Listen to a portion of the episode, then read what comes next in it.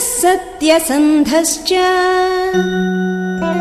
प्रजानाम् च हिते रतः यशस्वी ज्ञानसम्पन्नः।